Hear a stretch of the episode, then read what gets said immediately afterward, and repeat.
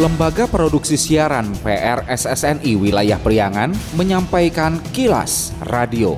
Disiarkan di 20 radio anggota PRSSNI di wilayah Priangan. Dan kilas radio edisi kali ini di antaranya mengenai Polres Tasikmalaya amankan pelaku pengedar dan pembuat uang palsu. Bawaslu Kota Banjar temukan tiga nama masuk silon dari dua partai yang tak ajukan bacalek. Pendengar, inilah kilas radio selengkapnya. Kilas Radio. Kilas Radio. Kilas Radio. BR SSNI Jabar Wilayah Priangan.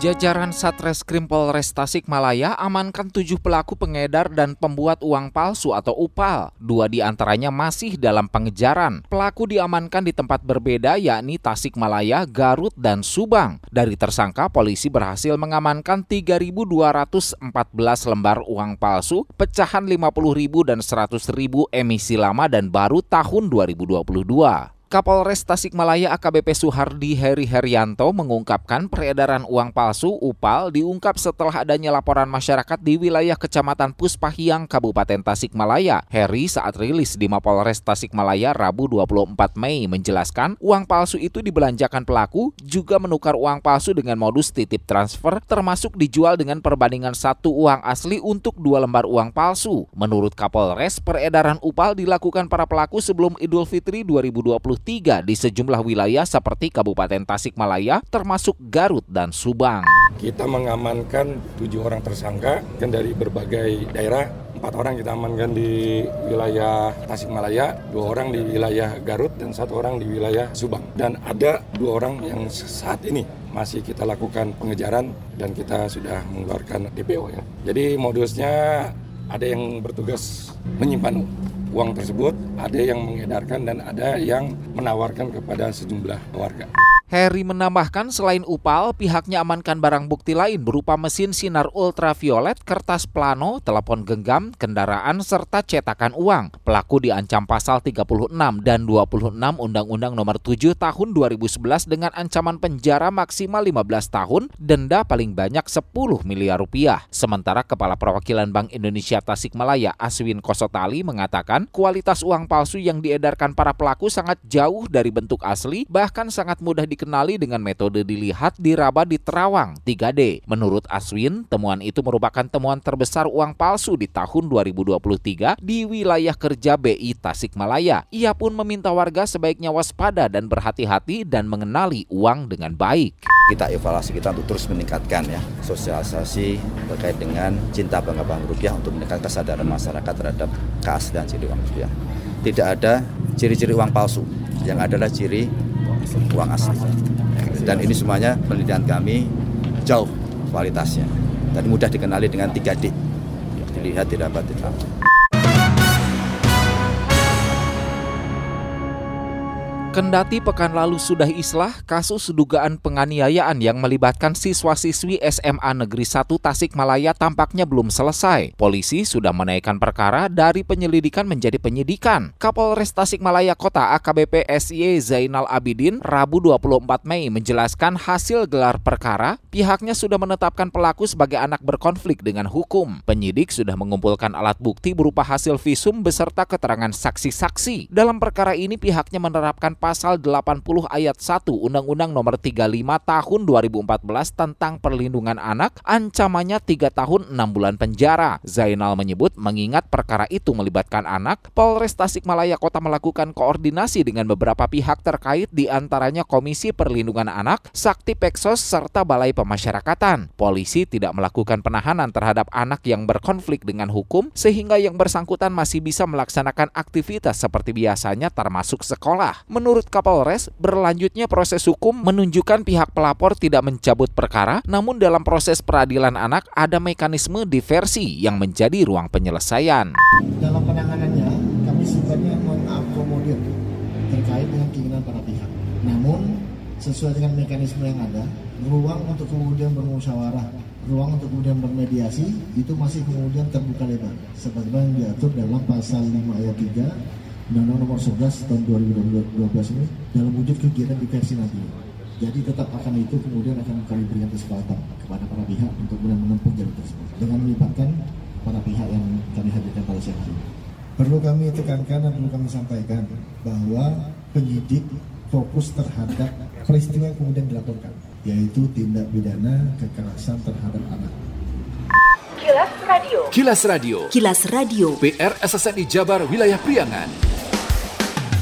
Bila Anda mendapatkan hal-hal atau peristiwa penting untuk diliput oleh tim Kilas Radio, hubungi hotline servis kami, SMS atau WA ke nomor 0813 2424 5911 0813 2424 5911 Info Pemilu. Info Pemilu. Persembahan PR SSNI Jawa Barat. Badan Pengawas Pemilihan Umum Bawaslu Kota Banjar menemukan tiga nama yang masuk dalam sistem informasi pencalonan Silon Kota Banjar, yaitu Partai Garuda dan Partai PSI. Seperti diketahui, kedua partai politik itu tidak melakukan pengajuan bacaleg. Ketua Bawaslu Kota Banjar Irfan Saiful Rahman saat press rilis di Aula Kantor Bawaslu Rabu 24 Mei menjelaskan, tiga nama yang masuk di dalam Silon Kota Banjar semuanya berada di Dapil Banjar 2. Irfan mengatakan menyikapi temuan, pihaknya akan melakukan melakukan saran perbaikan terhadap KPU Kota Banjar. Menurutnya, Bawaslu Kota Banjar telah memberikan rekomendasi kepada KPU Kota Banjar terkait tahapan pengawasan pengajuan Bacaleg DPRD Kota Banjar. Adapun rekomendasinya adalah akses silon viewer yang diberikan KPU Kota Banjar kepada Bawaslu Kota Banjar saat ini hanya dapat melihat halaman depan atau beranda, di mana Bawaslu tidak dapat mengakses fitur data partai politik, data calon dan penerimaan pada silon viewer yang digunakan dalam pendaftaran Bacaleg DPRD Kota Banjar. Artinya, Bawaslu Kota Banjar belum dapat melakukan pencermatan terhadap berkas pendaftaran administrasi Bacaleg yang terdapat dalam Silon Viewer. Irfan pun berharap kepada KPU Kota Banjar agar akun Silon Viewer yang diberikan KPU Kota Banjar kepada Bawaslu Kota Banjar untuk dibukakan akses secara utuh dan komprehensif. Tiga nama yang masuk di dalam Silon Kota Banjar, yaitu dari Partai Garuda dan juga Partai PSI. Kendati dua partai tersebut memang di Kota Banjar itu tidak melakukan pengajuan bacalek kemarin. Semuanya di Dapil Banjar 2, dua dari Partai PSI, satu dari Garuda. Kami memberikan saran perbaikan terhadap KPU menyikapi hal tersebut. Bab pengawasan sekarang itu pengajuan bakal calon berbeda seperti tidak seperti 2019 kemarin. Sekarang itu memang menggunakan silon. Kalau dulu kan langsung berkas secara langsung. Kalau sekarang menggunakan silon, sementara kami hanya diberikan akses dalam silon itu sebagai viewer, hanya melihat saja. Jadi kami sangat sulit untuk melakukan pengawasan secara detail. Untuk diketahui, Bawaslu telah melaksanakan pengawasan pengajuan bakal calon anggota legislatif Bacaleg DPRD Kota Banjar yang berlangsung selama 14 hari dimulai 1 Mei sampai 14 Mei 2023. Di Kota Banjar terdapat 14 partai politik yang mengajukan bacalegnya dengan jumlah 400 orang, terdiri dari 254 laki-laki dan 146 perempuan yang selanjutnya dilakukan verifikasi administrasi bacaleg 15 Mei hingga 23 Juni 2023.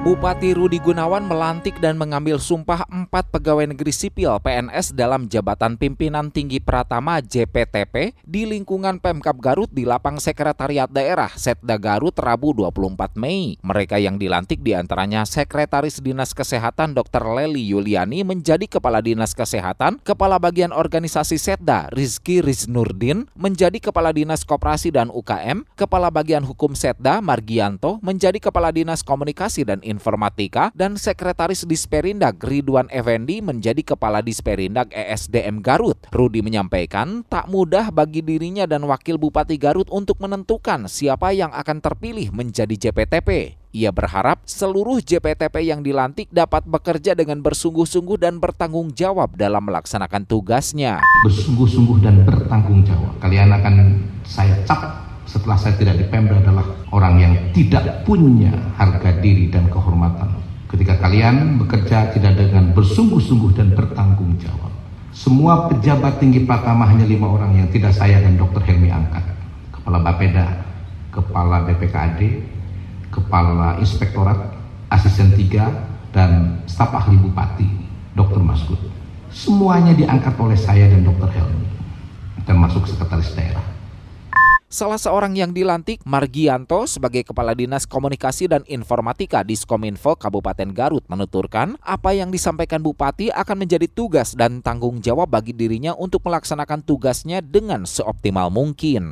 Tugas dan tanggung jawab kami untuk tadi sebagaimana amat amanat Pak Bupati bekerja bersungguh-sungguh dan bertanggung jawab dan itu akan kita laksanakan seoptimal mungkin, sekuat tenaga dan tentu kami membutuhkan dukungan dari semua pihak untuk memenuhi target dari pimpinan kita.